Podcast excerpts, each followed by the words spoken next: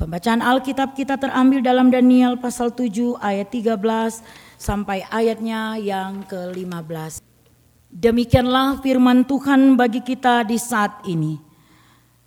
Aku terus melihat dalam penglihatan malam itu.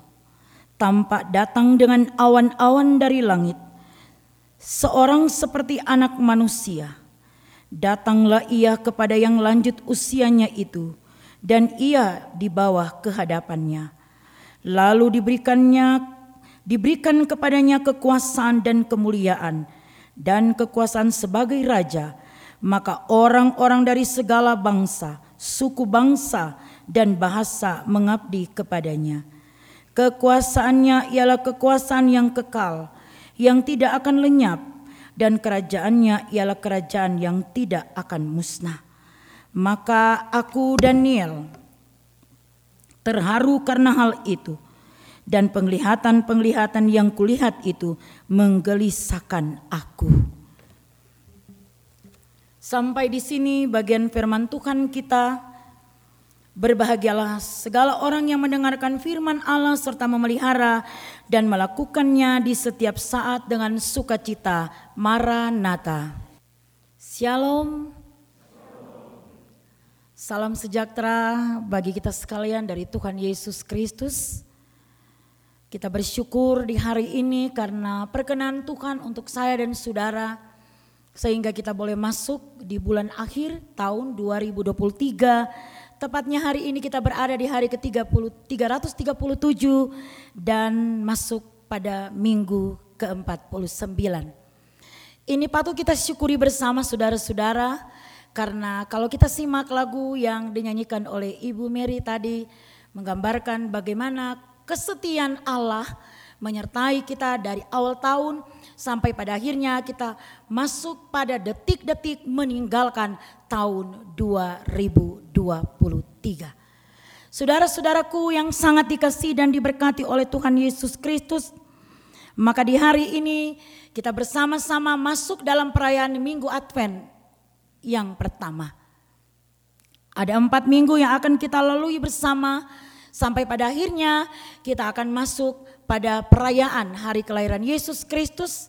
Tetapi juga minggu-minggu Advent ini mempersiapkan diri kita sekalian untuk masuk di tahun 2024 dan lebih penting lagi kita mempersiapkan diri kita untuk menyambut kedatangan Tuhan yang kedua kali yang datang bukan lagi sebagai bayi yang mungil tetapi dia datang sebagai hakim yang adil untuk saya dan saudara. Saudara-saudaraku yang sangat dikasih dan diberkati Tuhan, maka pada minggu Advent yang pertama ini kita bersama-sama akan belajar dari kitab Daniel 7 ayat 13 sampai ayat 15 yang sudah kita bacakan tadi yang diberikan tema nubuat tentang Kristus dan kekuasaan dan kemuliaan. Saudara-saudaraku yang sangat dikasih dan diberkati oleh Tuhan Yesus Kristus, ketika kita membuka kitab Daniel ini, maka kita pasti ingat cerita sekolah minggu tentang tokoh seorang Daniel. Ada nama Daniel yang hadir saat ini? Yang sedang berencana punya anak beri nama Daniel ya kalau dapat anak laki-laki. Daniel adalah pribadi yang pemberani Daniel adalah pribadi yang konsisten dengan kepercayaannya kepada Tuhan Allah. Sehingga pada waktu bangsa Yehuda ini tidak taat dan setia kepada Tuhan, Allah memanggil Raja Babel yaitu Raja Nebukadnezar ya, datang memimpin bangsa Yehuda ini dan kemudian membawa orang-orang Yehuda ini ke pembuangan. Kita baca pada pasalnya yang pertama ya saudara-saudara. Di situ jelas sekali bagaimana sejarah awalnya bangsa Israel dibuang ke Babel yang dibawa ke pemimpinan Raja Nebukadnezar waktu itu. Kita tahu bagaimana sifat Raja Nebukadnezar, yaitu kalau rajin sekolah minggu waktu dulu itu sudah di luar kepala cerita ini ya saudara-saudara. Daniel adalah seorang tokoh Alkitab yang ada di zaman itu yang benar-benar sangat-sangat konsisten dengan iman. Tapi bukan hanya Daniel saja. Ada tiga rekannya yang ikut serta dengan dia pada waktu pembuangan ke Babel. Mereka adalah pemuda-pemuda yang cendikiawan, yang pintar, yang cerdas. Itu ditulis pada pasalnya yang pertama. Selain Daniel ada Hananya, ada Misael dan ada Asaria yang dikenal dengan Sadrak, Mesak dan Abednego. Nah keempat pemuda ini adalah tokoh pemuda Yahuda yang waktu itu yang tidak terpengaruh, yang tidak takut dengan ancaman-ancaman dari Raja Nebukadnezar. Kalau Sadrak, Mesak dan Abednego ketika mereka didapati berdoa, mereka dihukum di perapian. Sementara Daniel dibuang ke gua singa. Itu kita tidak lupa ya saudara-saudara. Nah saudara-saudara yang sangat dikasih dan diberkati oleh Tuhan kita Yesus Kristus. Nah dalam konteks pembuangan yang terjadi pada waktu itu ternyata Daniel ini adalah salah satu nabi yang hidup dalam pembuangan. Dan ketika tongkat estafet kepemimpinan dialihkan kepada Raja Belsiasar. Dia tidak beda jauh dengan Raja Nebukadnezar. Dong ini tidak takut Tuhan. Kekuasaan yang dinyatakan waktu itu selalu memakai keinginan-keinginan mereka dan karena itu lebih cenderung melakukan hal-hal di luar kehendak Tuhan. Karena itu di zaman itu Daniel didatangkan oleh Tuhan dengan sebuah mimpi.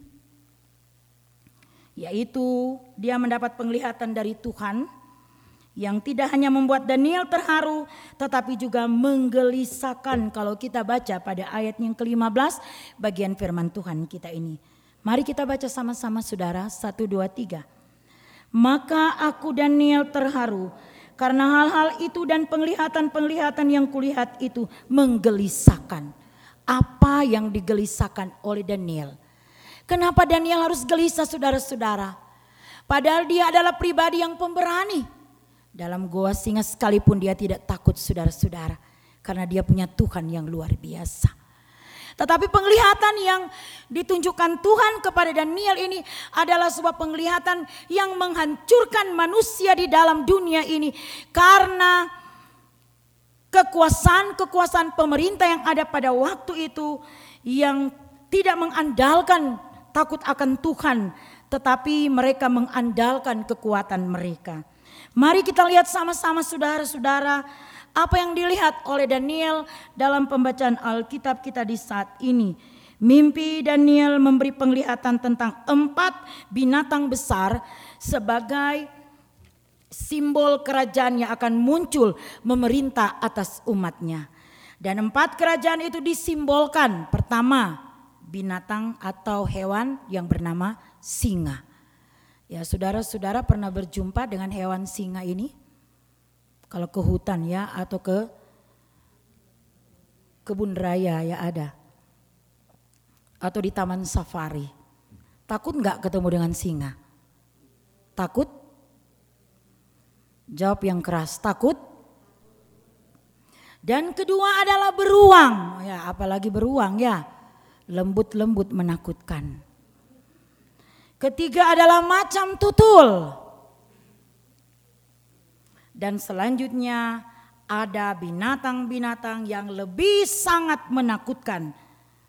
Semuanya digambarkan sebagai para pemimpin yang memimpin umat dengan mengandalkan kekuasaan duniawi tanpa takut kepada Tuhan sehingga penuh kekerasan ya membanggakan kekuatan duniawi yang dimiliki lalu pada akhirnya justru mengalami kemerosotan. Ini konteks pembuangan pada waktu itu. Yang diperlihatkan Tuhan kepada Daniel mengingatkan raja-raja yang ada pada waktu itu, tetapi juga menghibur dan menguatkan umat Yehuda yang ada dalam pembuangan. Selanjutnya kalau kita lihat pada ayat yang ke-9 yang memang kita tidak baca dalam bagian ini namun untuk mengerti ayat-ayat yang kita baca kita harus lihat dulu ayat-ayat yang sebelumnya. Daniel melihat tentang penghakiman yang ditulis pada ayat 9 di mana tak-tak-tata diletakkan lalu duduklah yang lanjut usia pakaiannya putih seperti salju dan rambutnya bersih seperti bulu domba. Dan penghakiman itu ditandai dengan takhta yang diletakkan dan lanjut usianya mengambil tempat duduknya. Ungkapan ini menjelaskan tentang Allah sebagai yang kekal, yang adalah hakim yang agung yang akan menghakimi setiap orang termasuk penguasa, termasuk pemimpin-pemimpin yang ada di dalam dunia ini yang melakukan kepemimpinan tidak takut akan Tuhan. Saudara-saudaraku yang sangat dikasih dan diberkati Tuhan, bagian ini juga menjelaskan bahwa Allah yang kekal itu adalah Allah yang penuh dengan kekudusan, keagungan dan keadilan. Jadi ternyata ayat-ayat sebelum ayat 13 yang kita baca tadi telah diperlihatkan kepada Daniel bagaimana sebenarnya kepemimpinan dunia yang terjadi pada waktu itu dan kemudian akan datang seorang raja yang akan menjadi hakim. Kalau kita lihat di sini yang digambarkan bahwa yang lanjut usia itu adalah Allah dan kemudian akan datang kalau kita lihat pada pembacaan Alkitab kita, bagian pembacaan Alkitab di sini ayat 14 di situ dikatakan lalu diberikan kepadanya kekuasaan dan kemuliaan dan kekuasaan sebagai raja, maka orang-orang dari segala bangsa, suku bangsa dan bahasa mengabdi kepadanya. Itu adalah Tuhan Yesus sebagai Mesias yang dinantikan pada zaman itu saudara-saudara. Saudara-saudaraku yang sangat dikasih dan diberkati oleh Tuhan Yesus Kristus karena itu pada ayat 13 dan ayat 14 ini Daniel mau menjelaskan dan memberitahukan bahwa dia memang tidak melihat secara terperinci dan jelas bagaimana penghukuman serta kebinasan terjadi terhadap penguasa yang memerintah dengan kejam dan sewenang-wenang itu. Tetapi justru di tengah-tengah mereka yang memerintah dengan mengandalkan kekuasaan duniawi, justru datang seorang manusia yang diberi kehormatan, yang diberi kemuliaan, yang diberi kekuasaan untuk memimpin kerajaan yang kekal. Dan pertanyaan bagi kita, siapakah yang disebut anak manusia itu? Dan siapakah juga yang disebut lanjut usia? Dalam teks ini tidak disebutkan secara jelas siapakah yang disapa sebagai anak manusia, siapakah yang disebut lanjut usia.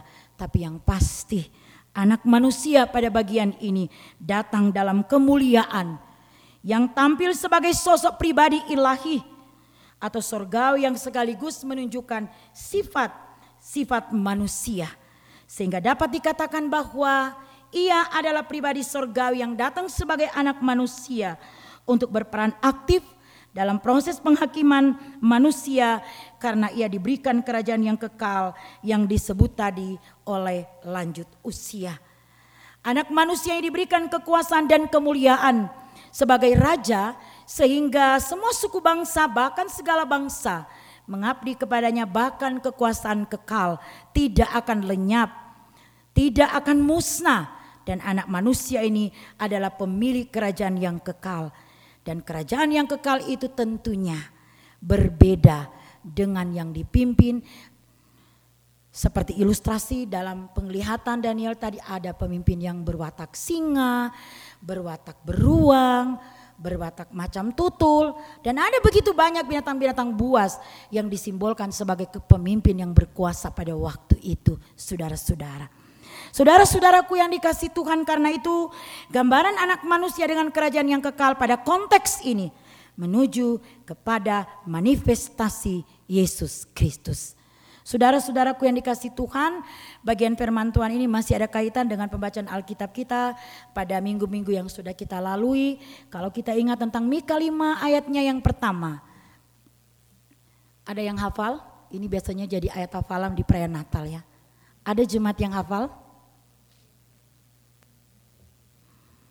Mari kita sebut sama-sama. Tetapi engkau hai Bethlehem Efrata, hai yang terkecil di antara kaum-kaum Yehuda, daripadamu akan bangkit bagiku seorang yang akan memerintah Israel yang permulaan sudah sejak purbakala, sejak dahulu kala. Itulah yang dimaksudkan oleh Daniel dalam pembacaan Alkitab ini yang juga dinubuatkan oleh Mika kepada orang-orang Yehuda pada waktu itu. Saudara-saudaraku yang sangat dikasih dan diberkati oleh Tuhan kita Yesus Kristus memudahkan kita untuk memahami bagian firman Tuhan ini adalah pertanyaan yang perlu kita renungkan. Kenapa bangsa ini harus dibawa Tuhan ke pembuangan? Kenapa? Dan kenapa Tuhan harus menghadirkan kembali seorang anak manusia yang kemudian menyelamatkan umat ini. Tetapi di kemudian hari kelak dia akan datang sebagai hakim yang adil untuk orang yang setia dan orang yang tidak setia. Pertama adalah ketika orang-orang Yehuda tidak taat dan setia kepada Tuhan. Penghukuman awal bagi umat ini adalah Allah bawa mereka ke pembuangan. Mereka dipimpin oleh penguasa-penguasa yang tidak mengandalkan Tuhan. Penuh kekerasan, menolak penyembahan kepada Tuhan. Mereka mengajak bangsa Yehuda menyembah dewa-dewi yang mereka bangun yang dilihat sebagai penguasa bagi bangsa kafir pada waktu itu. Dan Daniel sendiri menolak hal itu saudara-saudara. Dia setia dan taat menyembah dan memuliakan Tuhan yang pada akhirnya membuat Daniel melihat sesuatu yang menggelisahkan hatinya. Saudara-saudara, kalau saudara-saudara berjumpa dengan satu peristiwa, saudara sudah gelisah enggak? Peristiwa yang menakutkan ya, berita-berita yang menakutkan. Gelisah enggak? Pasti gelisah ya. Pasti takut Pasti bingung. Kalau sudah keadaannya begini gimana ya? Tetapi kembali kepada konteks firman Tuhan kita saat ini. Ternyata ketika ketakutan dan kegelisahan Daniel melihat hal itu. Allah kembali memberikan penglihatan bagi Daniel dalam mimpinya. Bahwa sesungguhnya akan tampak datang dengan awan-awan dari langit seorang seperti anak manusia Datanglah ia kepada yang lanjut usia itu dan ia dibawa ke hadapannya. Siapakah dia saudara-saudara? Dialah anak Allah yaitu Yesus Kristus. Saudara-saudaraku yang sangat dikasih dan diberkati oleh Tuhan kita Yesus Kristus. Karena itu kalau kita melihat konteks bagian firman Tuhan ini, Selain Daniel menyoroti kepemimpinan dan kekuasaan yang ada pada waktu itu, memberikan pelajaran bagi saya dan saudara, ternyata menjadi seorang pemimpin jangan kita menyepelekan rasa takut kita kepada Tuhan. Walaupun terkadang pemimpin-pemimpin yang ada di dunia ini ketika mereka merasa hebat, mereka merasa luar biasa, mereka tidak takut Tuhan lagi. Mereka tidak takut lagi orang-orang yang ada di sekitar mereka. Yang ada dalam pikiran pemimpin-pemimpin yang ada saat ini adalah maunya mereka yang harus dilakukan. Nah belajar dari bagian firman Tuhan ini kita harus pertimbangkan dengan baik. Supaya kita selamat dalam kehidupan kekal. Pada penghakiman nanti jadilah pemimpin yang takut akan Tuhan.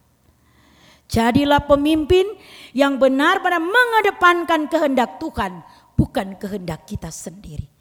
Karena itu yang terjadi dalam konteks kehidupan orang-orang Yehuda ketika mereka ada dalam pembuangan. Raja Belsyasar yang memimpin Babel pada waktu itu adalah raja yang sangat kejam. Dia lebih kejam dari Raja Nebukadnezar.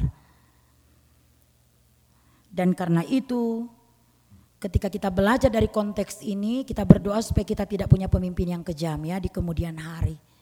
Karena kita berada di akhir zaman ya, bukan zaman yang berakhir.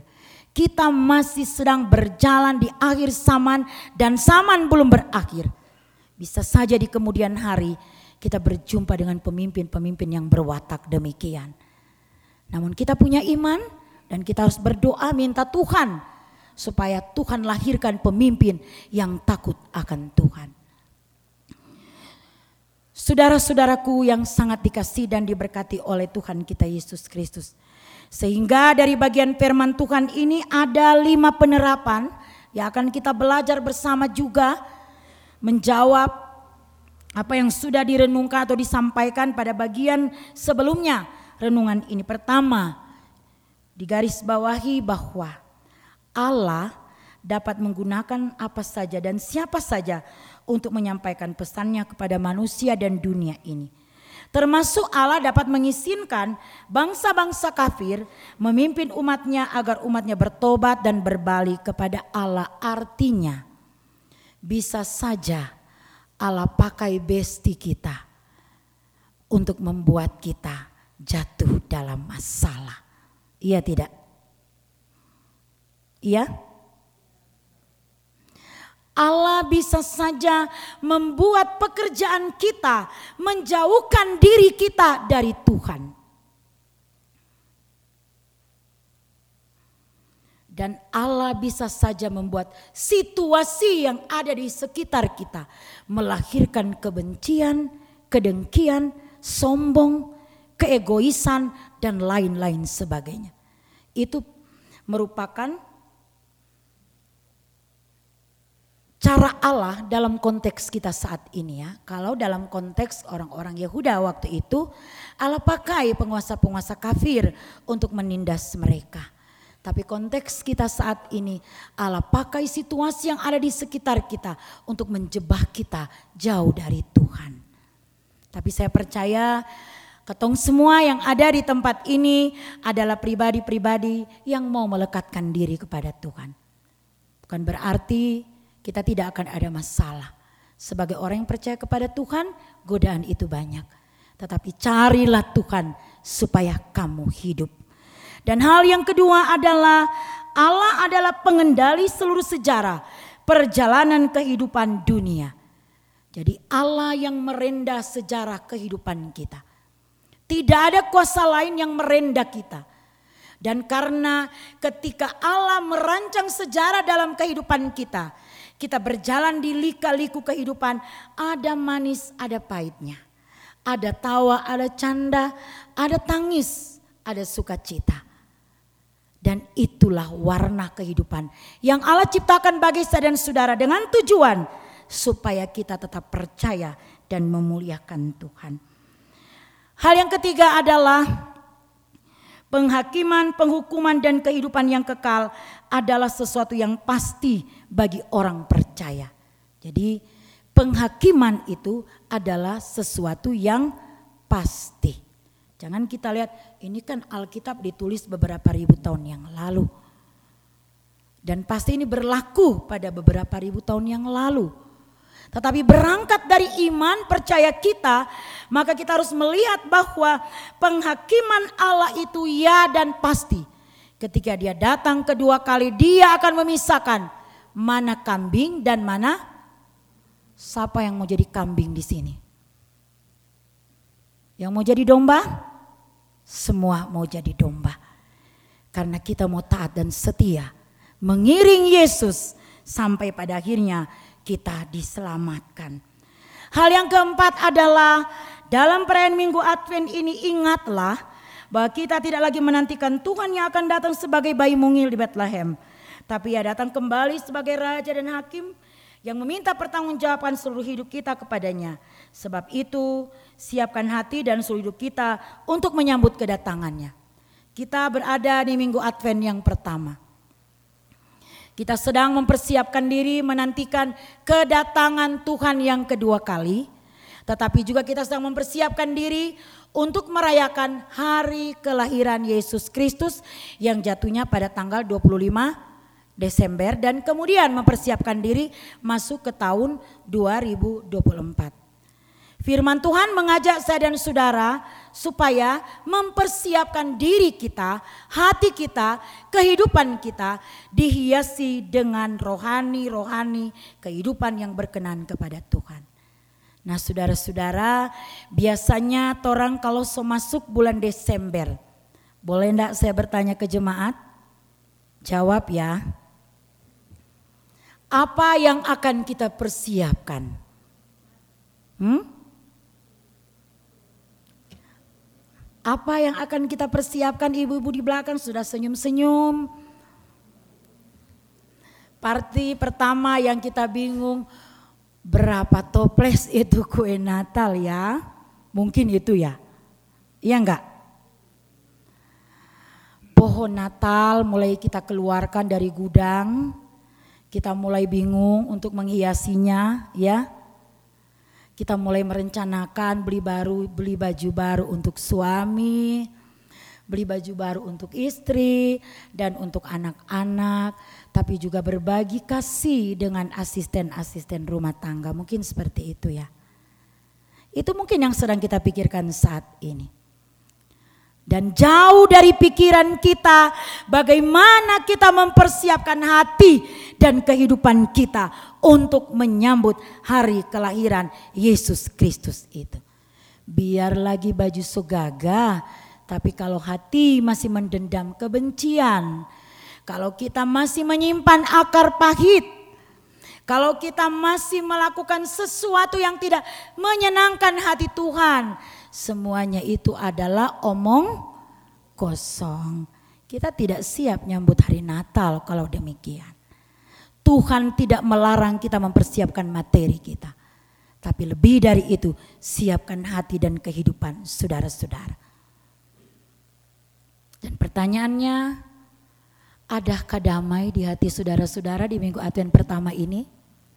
Ada? Kalau ada berilah salam kepada saudara kiri dan kanan saudara-saudara atau di belakang saudara. Damai Yesus Kristus memberkati saudara-saudara. Damai Yesus Kristus memberkati saudara-saudara. Dan minggu Advent pertama ini mulai mengikis satu persatu apa yang menjadi akar pahit, sifat-sifat kita yang tidak baik ya kan, mulai terkikis supaya pada hari perayaan nanti benar-benar kemuliaan Allah menghiasi kehidupan hati saya dan saudara-saudara. Jadi jangan kalau ada yang marah-marah hari ini, nanti hari Natal baru minta maaf. Jangan ya. Ada yang marah-marah hari ini? Ada? Tidak, puji Tuhan. Dan hal yang kelima adalah ya kita ada di bawah naungan Gereja Kristen Injili di tanah Papua. Kita harus garis bawahi. Jadi yang ibadah di sini harus mengaku GKI. Jangan bawa label-label gereja lain. Dan karena itu sebagai warga gereja Kristen Injili Tanah Papua kita adalah satu agen perubahan untuk terus menjadi berkat bagi situasi dan keadaan yang sedang terjadi dalam kehidupan di dunia saat ini. Kita di Tembagapura mungkin tidak merasakan ya penderitaan, kelemahan, persoalan orang-orang yang ada di sekitar kita khususnya lingkungan GKI, Gereja Kristen Injili Tanah Papua. Mungkin kita tidak bisa membantu mereka dengan materi kita. Tetapi hal yang sangat sederhana yang kita mau bantu supaya terjadi perubahan di tanah Papua lewat gereja Kristen Injili tanah Papua yang merupakan agen kasih terbesar di tanah Papua adalah do mari kita berdoa untuk orang-orang yang kita kasih yang seiman dengan kita dalam wadah gereja Kristen Injili tanah Papua. Sehingga nubuatan tentang kedatangan anak manusia bukan sekadar nubuatan saja, tetapi diaplikasikan sebagaimana kita akan berbagi kasih satu dengan yang lain, menciptakan damai sejahtera di mana kita hidup dan berada. Maka pada akhirnya Allah membawa saya dan saudara berjumpa dengan hari penghakimannya. Kita bukan kambing, tapi kita domba yang diselamatkan untuk mengalami kehidupan yang kekal. Amin.